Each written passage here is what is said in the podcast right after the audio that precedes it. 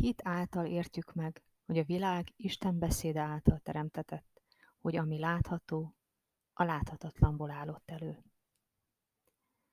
Maga sem tudta, miért indult útnak akkor. Csak azt tudta, hogy el kell mennie oda. Fogalma se volt, mi várott rá. Negyven év, rengeteg idő. Mégis tisztán előtte volt a kép, emlékezett. A hangulatra, az illatokra, a fényekre. Frissen forralt tej ízére. A súlyos bögre két fülére. Ahogyan egy gyerek képes emlékezni sok-sok idő távolából is. A néni, akit annyira szeretett, Isten áldott a teremtés volt. Sokat vállalt, sokkal többet, mint kellett volna. Elviselte gonosz, hatalmaskodó, utálkozó férjét. Sokáig viselte a terhet. Túl sokáig. Megbetegedett. El kellett onnan mennie, nem tudott már mit tenni. Elmenekült. El kellett hagynia azt a csodát, amihez annyi szép emlék kötötte. Két keze, élete munkája. A teste már nem tért vissza oda többé. Elindult hát, hogy megkeresse a helyet, ahol ez a nagyszerű asszony élt akkor régen. A természet már visszavette, ami az övé volt. A házat ledúrták. Helyén egy tölgyfa sarjadt.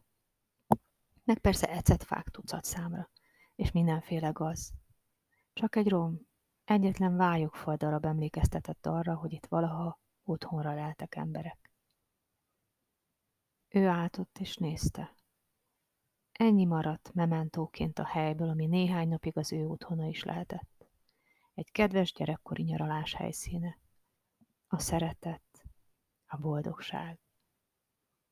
Majdnem elindult már, amikor a lába elé nézett. Ott volt mindvégig, de ő csak most vette észre. Két cserév darab. Cukortartó lehetett. Fehér mázon kék vonalak. Felemelte a cserepeket.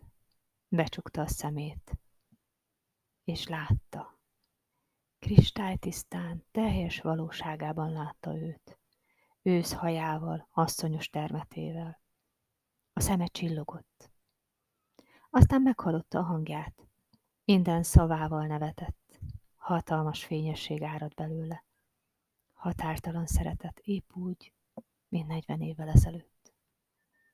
Tudta, kétsége nem volt, hogy ott van vele. Hisz mindig is ott volt. Ott maradt a lelke. Már értette. Jelet hagyott neki. Ezért kellett elmennie, hogy negyven év után újra találkozhassanak. Hogy elmondja neki, ott van otthon, békében. A tölgyfában ott a ház helyén, a talló kesernyés illatában, az akácos fúvó szélben, hófehér haja, mint a felhők, szeme, mint az ég határtalan kékje. És most is ugyanúgy szereti, félti, óvja és átöleli, mint akkor, negyven évvel ezelőtt. Lassan hazaindult.